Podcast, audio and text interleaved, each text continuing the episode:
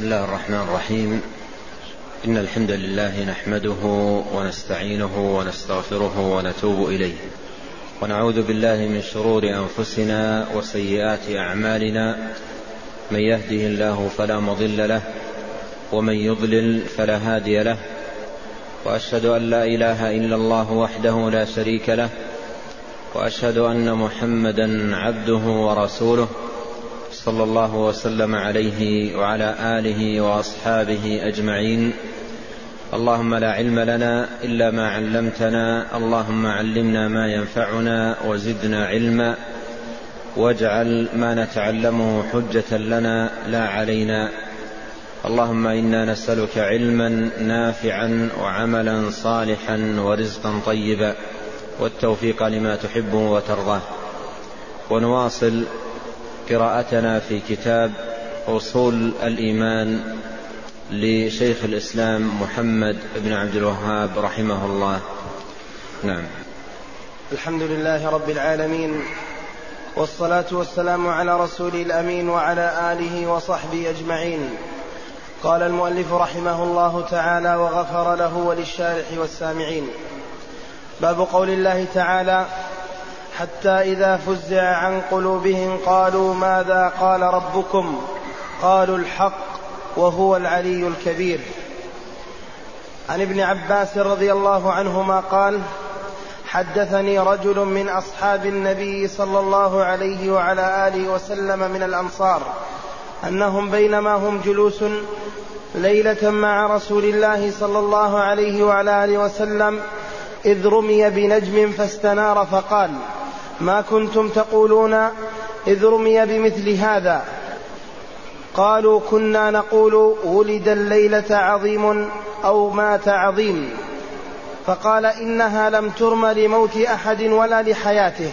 ولكن ربنا عز وجل إذا قضى أمرا سبحت حملة العرش حتى يسبح أهل السماء.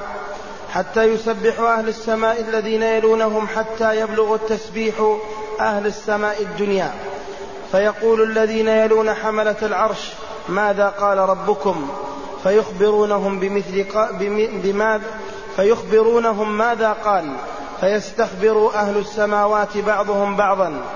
حتى يبلغ الخبر حتى يبلغ الخبر أهل السماء الدنيا فتخطف الجن السمع فيلقونه إلى أوليائهم. فيلقونه إلى أوليائهم فما جاءوا به على وجه على وجهه فهو الحق ولكنهم يقذفون ولكنهم يقذفون ويزيدون. رواه مسلم والترمذي والنسائي.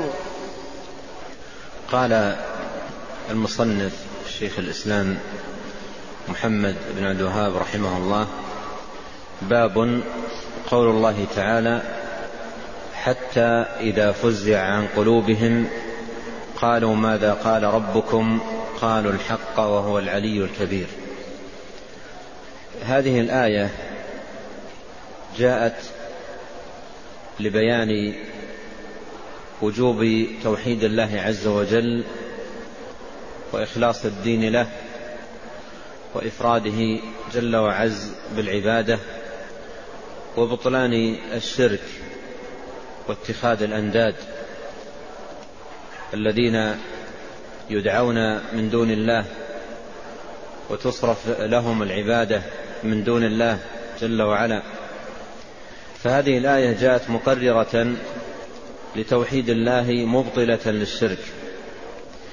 وفهم هذه الآية يتطلب التأمل في الآيتين اللتين قبلها.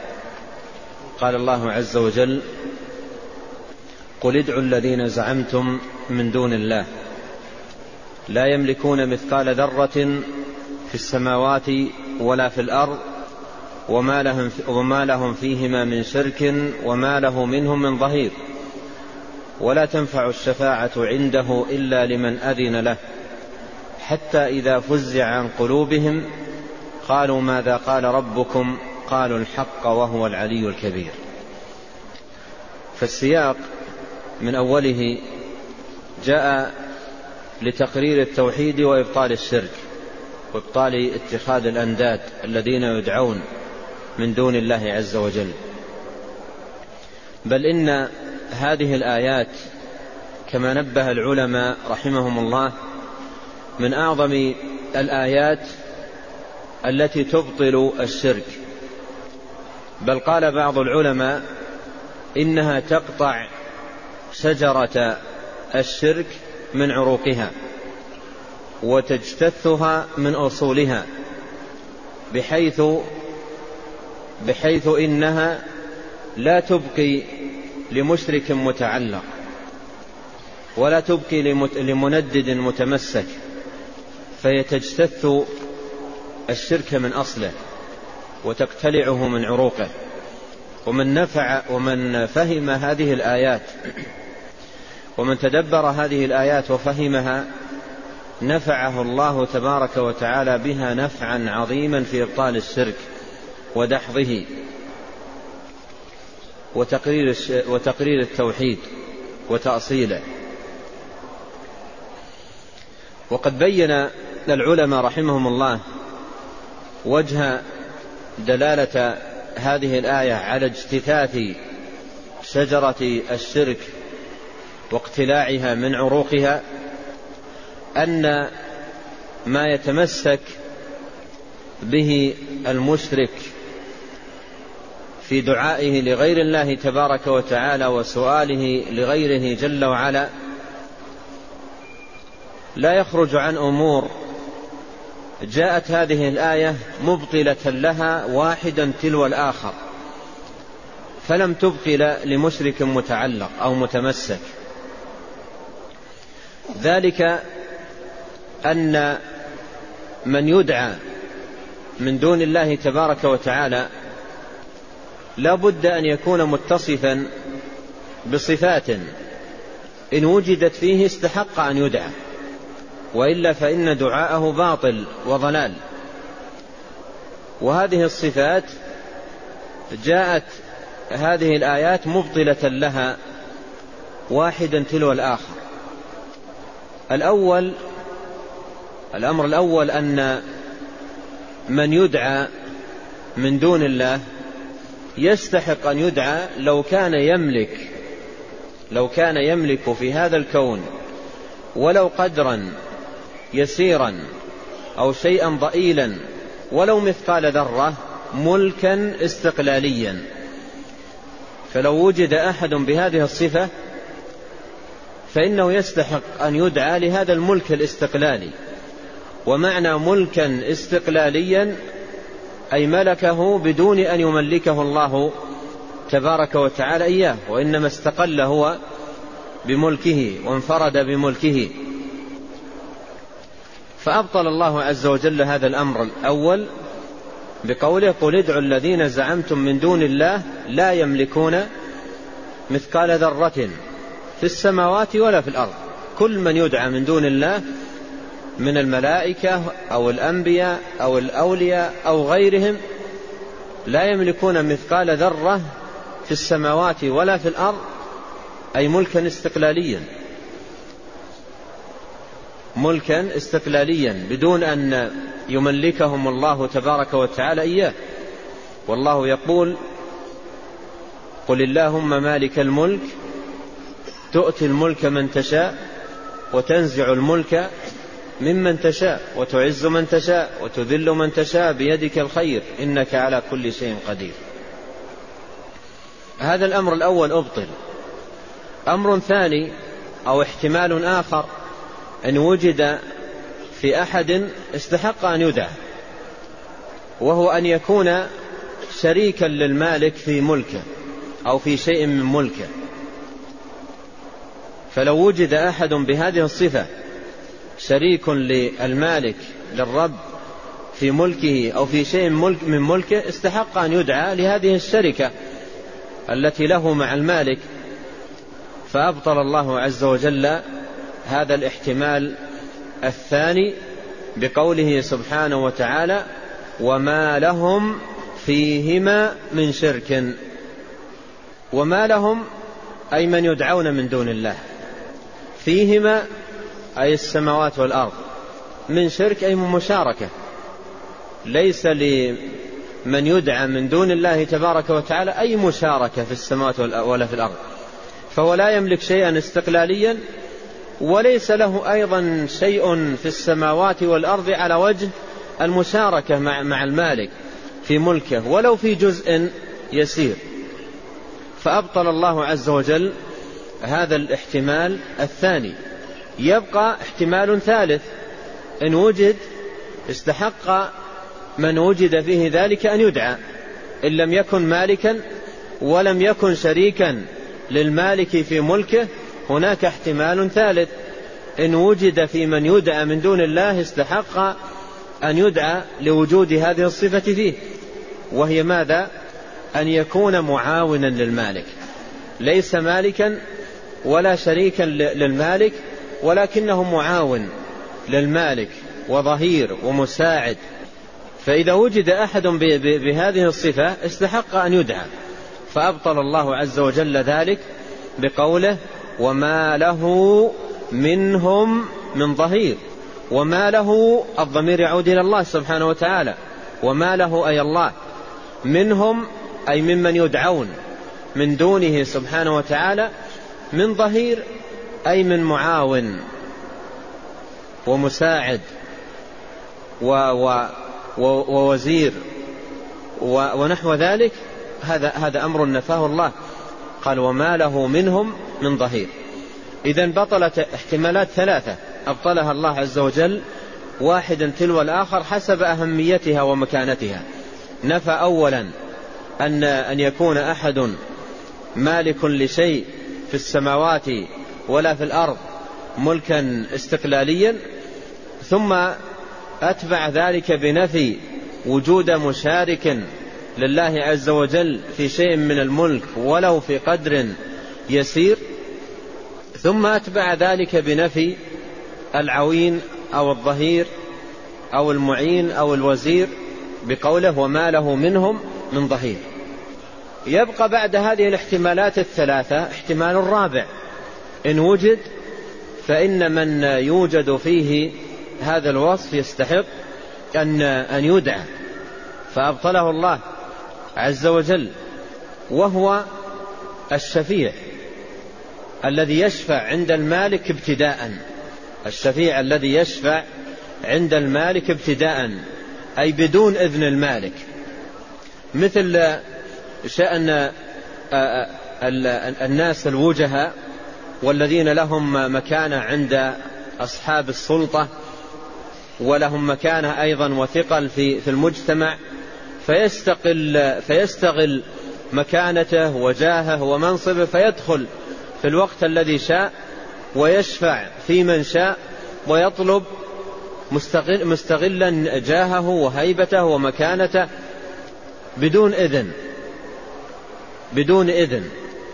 ولهذا قال العلماء إن المشركين باتخاذهم الشفعاء شبه الله سبحانه وتعالى بالملوك. بملوك الدنيا الذين يدخل عندهم الشفعاء بدون إذن وبدون استئذان ويطالب لفلان بكذا ولفلان بكذا ويرضخ الوالي أو السلطان لأمرهم تقديرا لمكانته أو خوفا من منزلته أو نحو ذلك فيعطيه ما أراد ولا يرده في فيما طلب خوفا أو هيبة أو طمعا أو نحو ذلك من الأمور التي توجد. فنفى الله عز وجل الشفيع الذي هو بدون إذن المالك سبحانه وتعالى. وقد كان المشركون يعتقدون في أصنامهم أنها تشفع لمن شاءت أن لها مكانة عند الله فتشفع لمن شاءت وتقرب من شاءت إلى إلى الله سبحانه وتعالى ولهذا يتعلقون بها ويبكون عندها وترق قلوبهم ويسألونها ويرجونها لأنها لأنها تملك شفاعة عند المالك تقرب من شاءت منه ما نعبدهم إلا ليقربونا إلى الله زلفى ويعبدون من دون الله ما لا ينفعهم ولا يضرهم ويقولون هؤلاء شفعاؤنا عند الله أي أنها عندها استطاعة وقدرة بأن تشفع لنا عند الله فتدنينا منه وتقربنا منه وهذا شيء تملكه بزعمهم.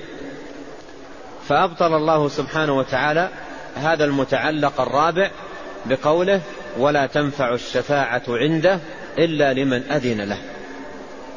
ولا تنفع الشفاعة عنده إلا لمن أذن له. فما بقي لمشرك متعلق؟ ما بقي لمشرك متعلق؟ من يدعو غير الله بماذا يتعلق؟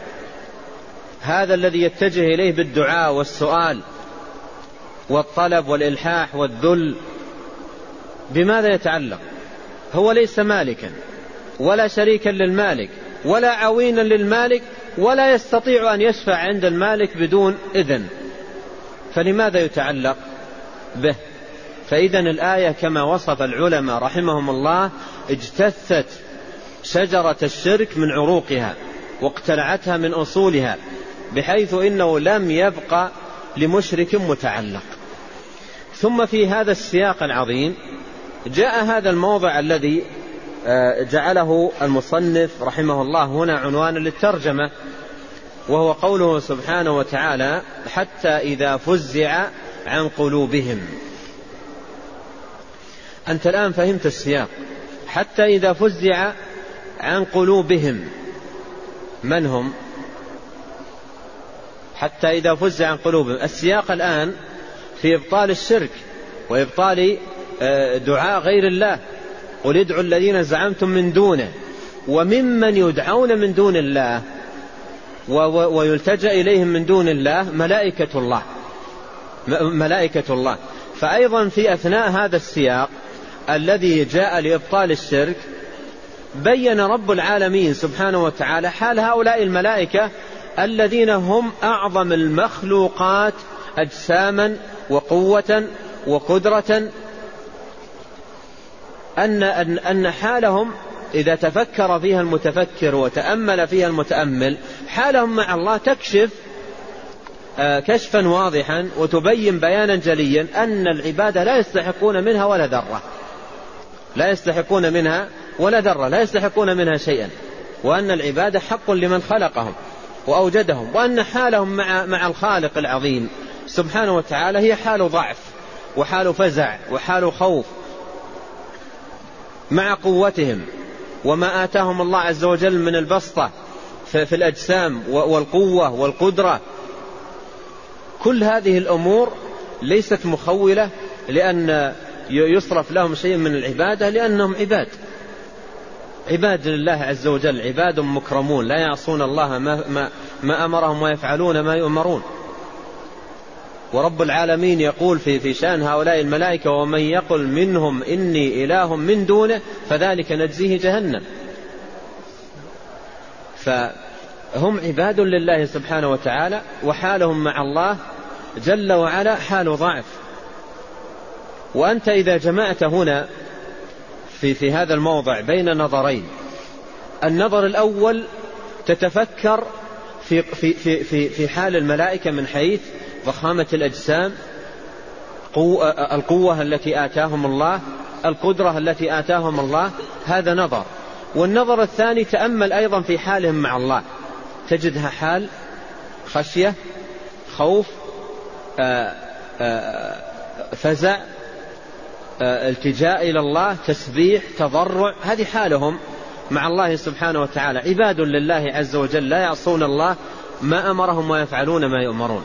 النظر الأول استعن فيه بالآيات والأحاديث التي تصور لك حال, حال الملائكة. الملائكة أعطاهم الله عز وجل من كبر الأجسام شيء لا يخطر بذلك. وأعطاهم الله عز وجل من القوة والقدرة شيء لا يخطر بذلك. منحهم الله عز وجل أمورا وأقدرهم على أشياء سبحانه وتعالى والأمر بيده سبحانه سبحانه. ولهذا تأتي أحاديث كثيرة تندهش عندما تقرأها في بيان ما يتعلق بأجسام الملائكة وكبرها أو ما يتعلق بقوة الملائكة وقدرتهم وما آتاهم الله عز وجل من من أمور. تندهش عندما تقرأ ذلك. على سبيل المثال ما جاء في الحديث الصحيح أن أن النبي عليه الصلاة والسلام قال أذن لي أن أحدثكم عن أحد الملائكة ما بين شحمة أذنه. إلى عاتقه تخفق فيه الطير سبعمائة سنة. يعني لو أن طائرا أراد أن يطير من, من العاتق إلى شحمة الأذن العاتق هذا وشحمة الأذن هذه فلو أراد طائر أن يطير من عاتق الملك إلى شحمة أذنه يحتاج إلى سبعمائة سنة طيران حتى يصل إلى شحمة الأذن. بالنسبة لنا نحن المسافة هذه ما تكفي أن يقف الطير. المسافة هذه لا تكفي لأن يقف الطير فضلا عن عن أن يطير. يحتاج إلى سبعمائة سنة طيران. هذه المسافة ما بين شحمة الأذن إلى العاتق. فما هي المسافة بين بقية أجزاء بدنه؟ هذه الضخامة في الأجسام وأيضا ما أعطاهم الله عز وجل من قوة. أحد الملائكة يحمل قرية بكاملها بما فيها من سكان. ويقلبها رأسا على على عقب لو شئت لأطبقت عليهم الأخشبين جبلين يطبقهما على من فيهما أعطاهم الله جل وعلا قدرة فيتفكر الإنسان في, في, في هؤلاء الملائكة من جهة ما أعطاهم الله من القوة ومن القدرة وأيضا تفكر في الجانب الثاني الذي لا لا ينبغي أن يغفل عنه وهو ماذا؟ ذل هؤلاء الملائكة وانكسارهم بين يدي الله جل وعلا وضعفهم وافتقارهم إلى الله وعدم غناهم عنه طرفة عين هذه المعاني لا بد أن تكون حاضرة عند الإنسان. إن غفل عنها ونسيها ولم يحضرها في دينه تورط فيما تورط فيه غيره ممن إيش؟ وقع في الشرك. إذا غفل عن أن هؤلاء عباد لله مسخرون مربوبون مدبرون بتدبير الله سبحانه وتعالى وقع فيما وقع فيه غيره من, من الشرك والاستنجاد بغير, بغير الله. إما ينظر إلى قدرة من يدعوه أو ينظر إلى قوته أو ينظر إلى مكانته أو ينظر إلى أمور أخرى من هذا القبيل ويغفل عن جانب آخر كان يجب أن ينظر إليه وهو أنهم عباد لله سبحانه وتعالى. طوع أمره وتسخيره وتدبيره جل وعلا. فالآية تبين لك هذا المعنى. قال حتى إذا فزع عن قلوبهم. قالوا ماذا قال ربكم؟ ما معنى فزع عن قلوبهم؟ قال العلماء في كتب التفسير أي زال الفزع عن قلوبهم. هذا الفزع متى يحدث؟ يحدث كما سيأتي في الحديث الذي ساقه المصنف أن الله عز وجل عندما يتكلم بالوحي تخر الملائكة صاعقة. الملائكة الذين عرفت شيئا من أوصافهم وقوتهم وأجسامهم وضخامتهم وقدرتهم إذا تكلم الله. إذا تكلم الله سبحانه وتعالى بالوحي خرت صاعقة. الملائكة تصاب بغشي يغشى عليها. تصعق. خضعانا لقوله وذلا وانكسارا بين يديه تبارك وتعالى. إذا تكلم بالوحي. ثم يصف الله عز وجل حال الملائكة عندما يزول عنهم الفزع الذي أصابهم عندما تكلم الله جل وعلا بالوحي. حتى إذا فزع عن قلوبهم أي أزال الله عنهم الفزع الذي في قلوبهم قالوا ماذا قال ربكم؟ يسأل الملائكة بعضهم بعضا ماذا قال ربكم؟ في فيجيبون قال الحق وهو العلي الكبير. ويجب أن تنتبه هنا أن هذه الآية سيقت لإبطال الشرك. يجب أن تنتبه هنا إلى أن هذه الآية سيقت لإبطال الشرك. إذا قرأت معها الآيتين قبلها فهمت أنها سيقت لإبطال الشرك. فكأنه يقال هؤلاء الملائكة الذين آتاهم الله ما آتاهم من القوة والقدرة وضخامة الأجسام إلى غير ذلك لا يستحقون من العبادة شيء. فتأمل كأنه يقال لك تأمل حالهم عندما يتكلم الله بالوحي. ما ما أن يتكلم سبحانه وتعالى بالوحي إلا وتخر. الملائكة صاعقة تصعق ويصيبها غشي. وإذا زال عنها هذا الصعق والغشي وقامت من هذا الفزع سألت الملائكة ماذا قال؟ سألوا ماذا قال ربكم؟ فيجابون قال قال الحق وهو العلي الكبير. فهذا كله جاء لإبطال الشرك. حتى حتى ما ختمت به الآية بذكر هذين الاسمين الكريمين هما أيضا في تقرير التوحيد وإبطال الشرك. العلي الكبير. العبادة حق لمن؟ العبادة حق للعلي الذي له العلو علو الذات وعلو القدر وعلو القهر والكبير الذي لا أكبر منه سبحانه وتعالى. وانتبه هنا لقوله الكبير. كل ما يخطر في بالك من كبر كل ما يخطر في بالك من عظمة فهي ماذا؟ ليست شيئا أمام عظمة الله سبحانه وتعالى وكبره. كبر الملائكة ضخامتها قدرتها قوتها. ليست شيئا أمام قدرة الله سبحانه وتعالى. فهي قدرة أقدرهم الله عليها. وأجسام منحهم الله تبارك وتعالى إياها. فكيف يصرف لهم العبادة التي حق لله ولا يتوجه ولا يتوجه فيها لمن أعطاهم ولمن منحهم ولمن تفضل عليهم وهو رب العالمين الذي بيده تبارك وتعالى أزمة الأمور. فإذا قوله سبحانه وتعالى حتى إذا فزع عن قلوبهم قالوا ماذا قال ربكم؟ قالوا الحق وهو العلي الكبير. هذه الآية جاءت مقررة للتوحيد مبينة لعظمة الله سبحانه وتعالى وجلاله وكماله وأنه الرب المتصرف المالك المدبر وجميع المخلوقات عظمت أو صغرت آه، طوع تدبيره وتسخيره جل وعلا. لا خروج لأحد عن قدره جل وعلا وأمره. أمره نافذ وقدرته سبحانه وتعالى شاملة. لا معقب لحكمه ولا راد لقضائه. كل هذه المعاني العظيمة تبين للإنسان عظمة الله جل وعلا تبين له عظمة الله سبحانه وتعالى وأنه وحده الذي يستحق أن يصرف له الذل ويصرف له الخضوع وتصرف له العبادة بجميع أنواعها. ثم أورد رحمه الله حديث ابن عباس في, في مسلم والترمذي والنسائي. وهو من الأحاديث التي تبين معنى الآية الكريمة. قال عن ابن عباس رضي الله عنهما قال حدثني رجل من أصحاب النبي صلى الله عليه وسلم من الأنصار أنهم بينما هم جلوس ليلة مع رسول الله صلى الله عليه وسلم إذ رمي بنجم إذ رمي بنجم. المراد بالنجم هنا الشهب. الشهب التي ترجم وترمى بها الشياطين. ولقد زينا السماء الدنيا بمصابيح وجعلناها رجوما للشياطين. وجعلناها رجوما للشياطين.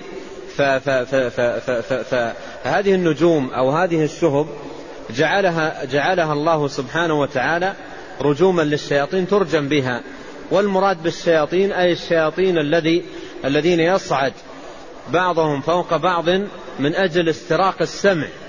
استراق السمع أي استراق الكلام الذي يدور بين الملائكة. وهذا الكلام الذي يدور بين الملائكة هو نتيجة تكلم الله سبحانه وتعالى بالوحي. فإذا تكلم بالوحي خرت الملائكة صائقة ويكون أول من يفيق جبريل فيخبره سبحانه وتعالى بوحيه من وحيه بما يشاء. ثم جبريل يخبر آه، أهل السماء ثم كل أهل السماء يخبرون بأهل السماء التي دونها إلى أن يبلغ الأمر إلى أهل السماء الدنيا من الملائكة. فيتحدثون بهذا الأمر والشياطين تصعد بعضها فوق بعض من أجل استراق كلمة واحدة. من أجل استراق كلمة واحدة. لماذا هذا الصعود؟ بل لماذا هذه المخاطرة؟ هذه مخاطرة عجيبة جدا ومغامرة يخاطرون بأرواحهم وبأعمارهم ويضحون. يصعد الواحد فوق الواحد إلى سماء الدنيا إلى أن يقرب من السماء الدنيا حتى يلتقطوا كلمة واحدة. ثم قد يلتقط الكلمة وقد لا قد يضربه الشهاب قد قبل أن يلتقطها. وإذا التقط الكلمة ما ينزل بها. بل هو متوقع أن الشهاب سيضربه قبل أن أن ينزل فيلقيها إلى الذي تحت مباشرة. ومن تحته يلقيها بحيث لو ضرب الأعلى أو ضرب من هو من هم في الأعلى تكون الكلمة نزلت. ويذهب ضحية هذه المخاطرة عدد منهم. يضربهم الشهاب فيموتون ويهلكون.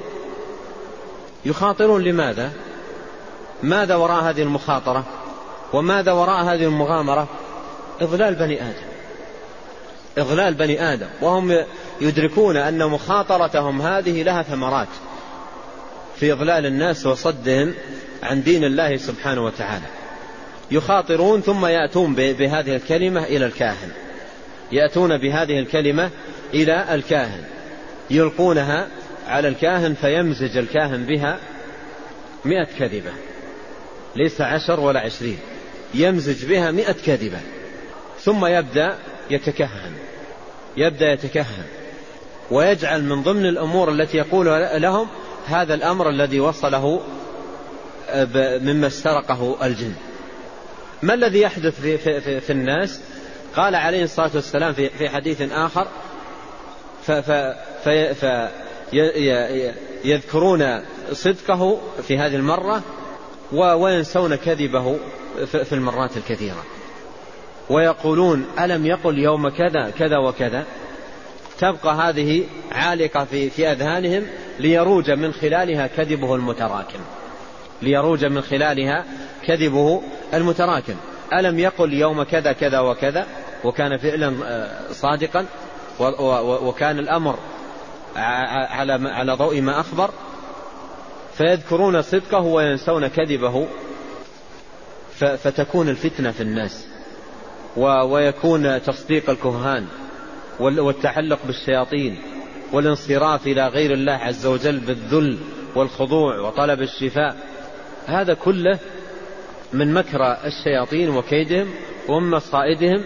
التي يضعونها لبني آدم لصدهم عن دين الله وعن عبادته سبحانه وتعالى. قال عليه الصلاة والسلام ما كنتم تقولون إذا رمي بمثل هذا؟ ما كنتم تقولون أي في الجاهلية؟ قبل أن يمن الله عز وجل عليكم بالإسلام بهذا الدين العظيم. ماذا كنتم تقولون إذا رمي بمثل هذا؟ إذا رمي بهذه الشهب أي شيء كنتم تقولون؟ قالوا كنا نقول ولد الليلة عظيم أو مات عظيم. هذه عقيدتنا. عقيدتنا دائما إذا رأينا الشهاب يرمى قلنا ولد عظيم. هذه الليلة ولد عظيم أو مات عظيم. فيجعلون رمي الشهاب دليل على موت عظيم أو ولادة عظيم. وانظر كيف صرفهم الشيطان عن عن الحكمة من رمي الشهب وشغلهم بهذا الاعتقاد أنه ولد الليلة عظيم أو مات الليلة عظيم وصرفهم الشيطان عن هذا الرمي ما هو مقصده وما هو وما المراد به. فماذا قال النبي عليه الصلاة والسلام؟ قال إنها لم ترمى لموت أحد ولا لحياته. هذه العقيدة التي تعتقدون عقيدة خاطئة لا أصل لها ولا صحة لها. وهي عقيدة خاطئة. ليست ترمى لموت أحد ولا لحياته. إذا لماذا ترمى؟ يأتي السؤال. فيبين عليه الصلاة والسلام. قال ولكن ربنا عز وجل إذا قضى أمرا إذا قضى أمرا أي من قضائه الكوني وأمر بأمر إنما أمره إذا أراد شيئا أن يقول له كن فيكون. إذا قضى أمرا سبحت حملة العرش. سبحت حملة العرش. سبحت الله عز وجل أي نزهت نزهته لأن التسبيح هو التنزيه فسبحت حملة العرش أي قالوا سبحان الله سبحان الله يسبحون الله جل وعلا. وهذا يفيدنا عظمة هذه الكلمة. عظمة هذه الكلمة وجلالة قدرها وأنها كلمة من كلمات الدين العظيمة جدا. قال سبحت الملائكة أو قال سبحت حملة العرش. وهذا فيه دليل على إثبات حملة العرش من الملائكة. وثبوت هذا في القرآن. الذين يحملون العرش ومن حوله يسبحون بحمد ربهم. فسبحت حملة العرش حتى يسبح أهل السماء الذين يلونهم. يسبح أهل السماء الذين يلون حملة العرش حتى يبلغ التسبيح أهل السماء الدنيا. فيقول الذين يلون حملة العرش بعد هذا التسبيح الذي تداولوه كلهم إلى أن نزل إلى أهل السماء الدنيا ف فيقول الذين يلون حملة العرش ماذا قال ربكم؟ أي ما ما ماذا قال من الأمر الذي أمر به سبحانه وتعالى؟ ماذا قال ربكم؟ فيخبرونهم ماذا قال. أي يخبرونهم بالشيء الذي قاله الله سبحانه وتعالى. قال فيستخبروا أي يسألوا أهل السماوات بعضهم بعضا حتى يبلغ الخبر أهل السماء الدنيا. حتى يبلغ الخبر أهل السماء الدنيا فتخطف الجن السمع. تخطف أي تلتقط السمع. وهم لا يلتقطون إلا شيئا يسيرا جدا والله حمى السماوات من استراقهم للسمع بالشهب التي تأتيهم من كل جهة. قال عز وجل دحورا ولهم عذاب واصب. فإلا من خطف الخطفة فأتبعه شهاب ثاقب. فهم الشهب تأتيهم من كل جانب ومن كل جهة والسماء محمية بالشهب ولا يأخذون من السمع إلا شيء يسير ولا يزالون في مخاطرات متوالية. مخاطرة تلو المخاطرة وأرواح من أرواحهم تزهق كثيرة جدا ولا يبالون بذلك في سبيل أن يضل بني آدم. في سبيل أن أن يضل بني آدم. قال فتخطف الجن السمع فيلقونه إلى أوليائهم أي من الكهنة والسحرة والعرافين والمشعوذين وغيرهم من إخوان الشياطين فيلقونه إلى أوليائهم. فما جاءوا به على وجهه فهو الحق. يعني فهو حق مما التقط من مما التقطه الجن واسترقوه من السمع. ولكنهم يقذفون ويزيدون.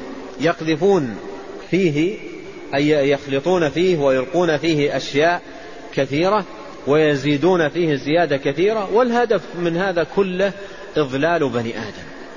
أنت إذا قرأت هذا السياق المبارك العظيم بين لك حال الملائكة. وأن الملائكة عندما يتكلم الله بالوحي أو بالقضاء فالملائكة تسبح وتعظم الله وتنزه الله تبارك وتعالى وليس لها حول ولا قوة والأمر بيد الله سبحانه وتعالى التدبير تدبيره والتسخير تسخيره ولا يكون في ملكه سبحانه وتعالى شيء إلا شيء شاءه وأراده الملائكة ليس بيدها شيء. مع ما آتاهم الله من القوة والقدرة ليس بيدهم شيء أبدا. الأمر كله بيد الله جل وعلا. أيضا الحديث الآخر يوضح آه هذا المعنى. نعم. قال وعن النواس بن سمعان رضي الله عنه قال قال رسول الله صلى الله عليه وعلى آله وسلم إذا أراد الله أن يوحي بالأمر تكلم بالوحي أخذت السماوات منه رجفة أخذت السماوات منه رجفة أو قال رعدة أو, أو قال رعدة شديدة خوفا خوفا من الله عز وجل. فإذا سمع ذلك أهل السماوات صعقوا. أو قال خروا لله سجدا فيكون أول من يرفع رأسه جبريل. فيكون أول أول من يرفع رأسه جبرائيل عليه السلام. فيكلمه الله من وحيه بما أراد ثم يمر جبرائيل ثم يمر جبرائيل على الملائكة.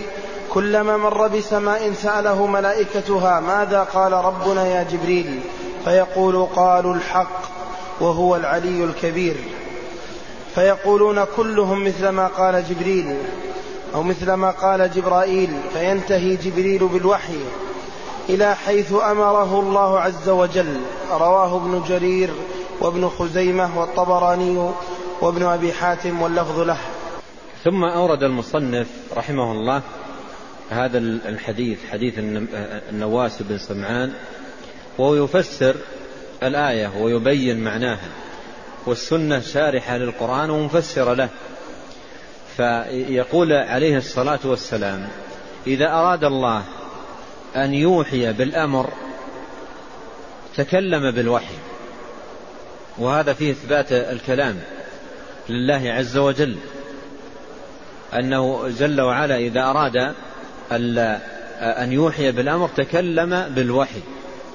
والملائكة آه، آه، عباد لله عز وجل وكل الله عز وجل إليهم مهام متنوعة. منهم من وكل بقبض الروح منهم من وكل بالمطر منهم من وكل بكتابة أعمال العباد إلى غير ذلك من الأمور التي وكلها الله سبحانه وتعالى للملائكة أو أمر الملائكة بالقيام بتنفيذها. فإذا تكلم الله جل وعلا إذا أراد الله أن يوحي بالأمر تكلم بالوحي. أخذت السماوات منه رجفة. أي ترتجف السماوات. إذا تكلم الله بالوحي ارتجفت السماوات أو ارتعدت. شك الراوي. أخذها رجفة أو رعدة.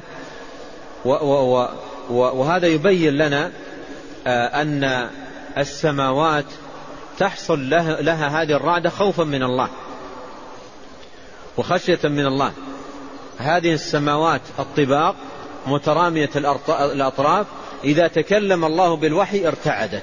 أخذها رعدة خوفا من الله سبحانه وتعالى.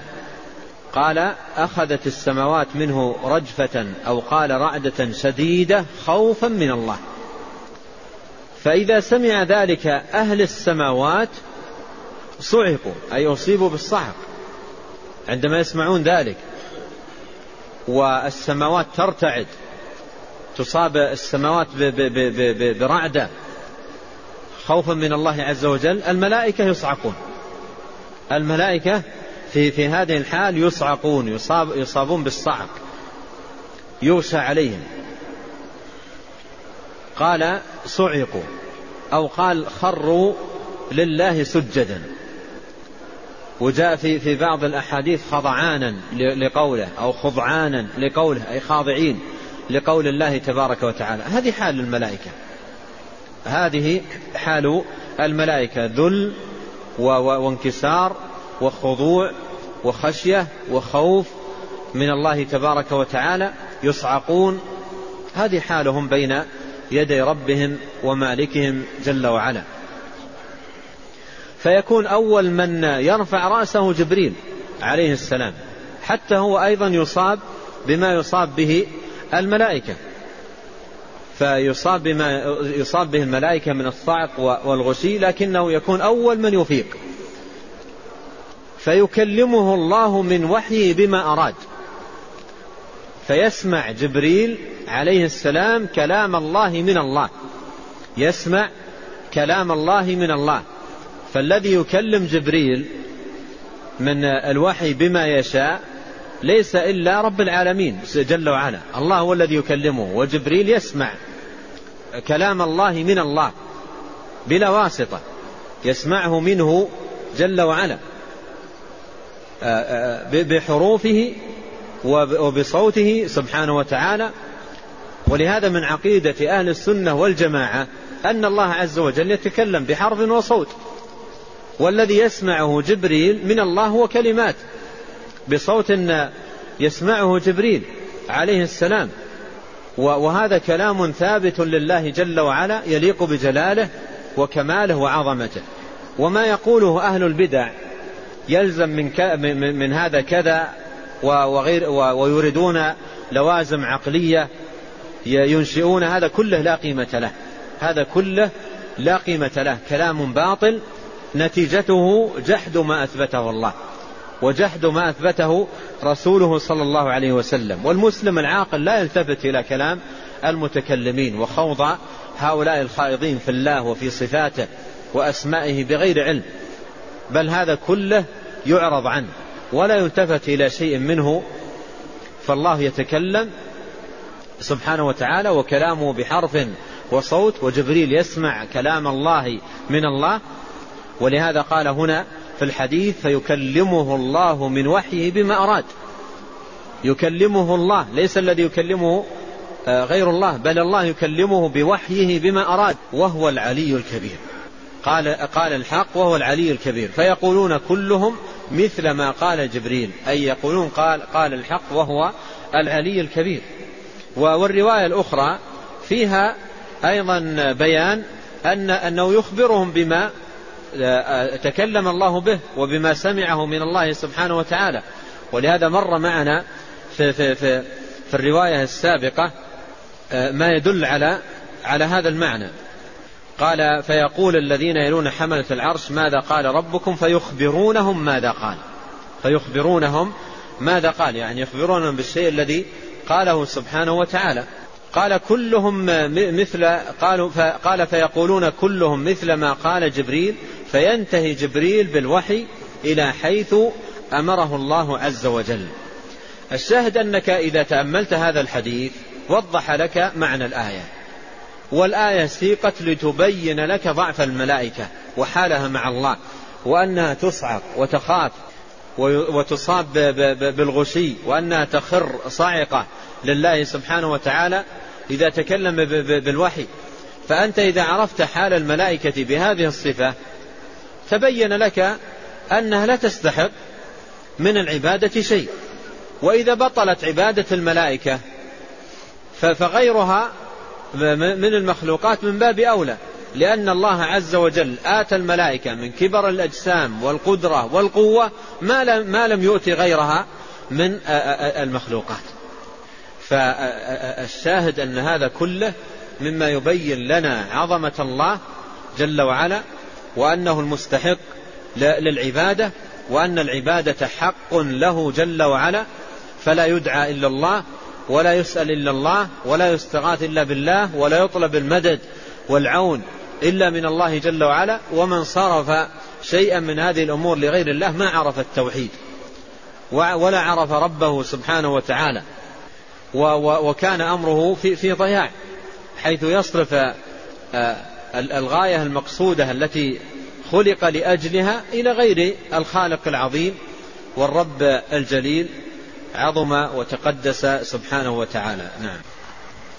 أحسن الله إليكم وبارك فيكم ونفعنا الله بما قلتم وغفر الله لنا ولكم المسلمين أجمعين.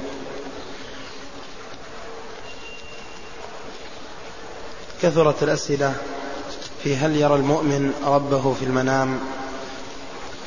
النبي عليه الصلاة والسلام قال في الحديث الصحيح رأيت ربي في أحسن صورة. رأيت ربي في أحسن صورة. قال ابن كثير رحمه الله وهذه الرؤية رؤية منامية ومن قال إنها في اليقظة فقد أبطل لأن النصوص صريحة في أنه عليه الصلاة والسلام لم ير ربه وقد سئل فقال نور أن أراه. وقال عليه الصلاة والسلام اعلموا أنكم لن تروا ربكم حتى تموتوا. أما الرؤية المنامية ممكنة وقد حصلت لنبينا عليه الصلاة والسلام. وقد نبه العلماء رحمهم الله أن الرؤيا المنامية لا يبنى عليها عقيدة ولا يبنى عليها حكم. لا يبنى عليها عقيدة ولا يبنى عليها حكم. تكون للبشارة وتكون للنذارة. أما لتقرير الأحكام فلا. نعم. هذا يسأل يقول إذا دخل في العبادة الرياء وهو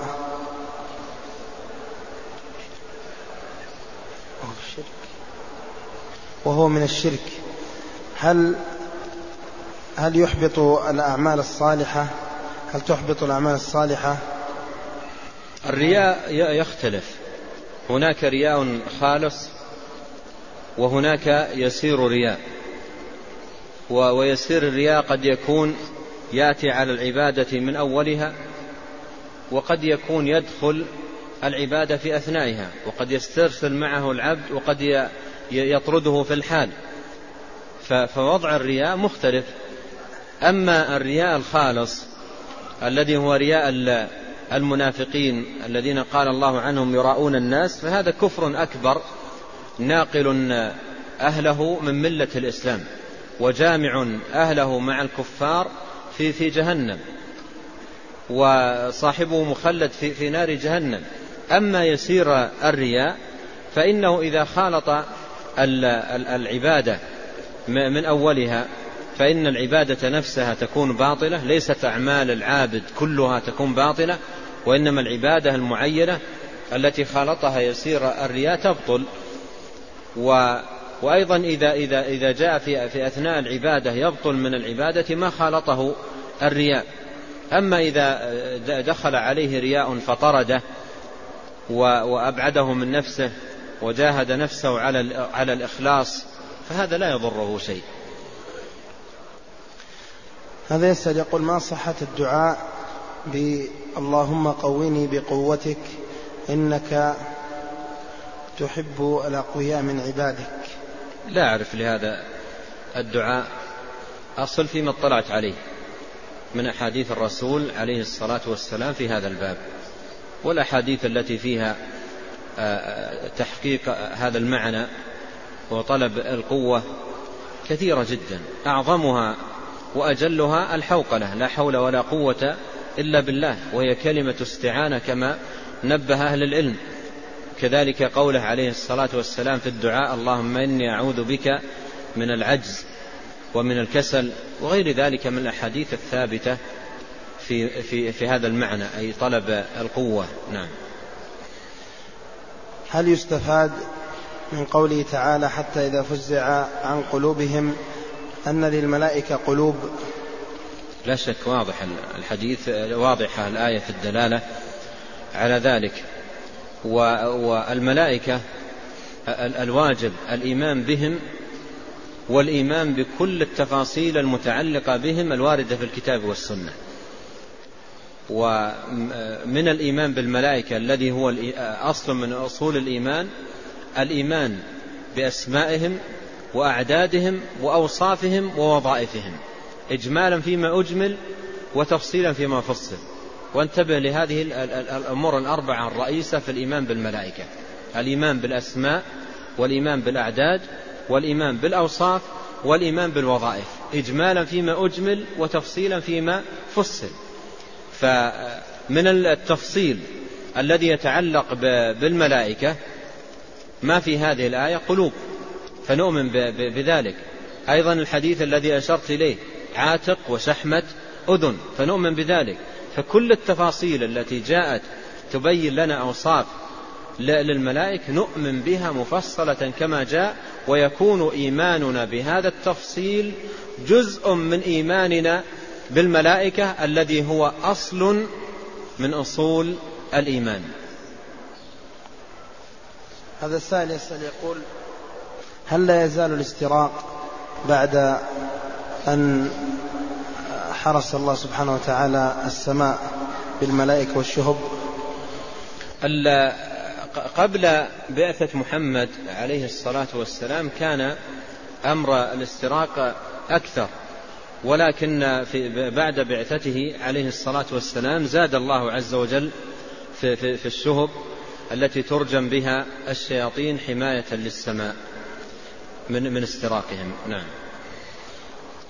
هذا يسأل يقول شخص عنده مهمة مهمة عمل في جدة وهو مقيم في المدينة.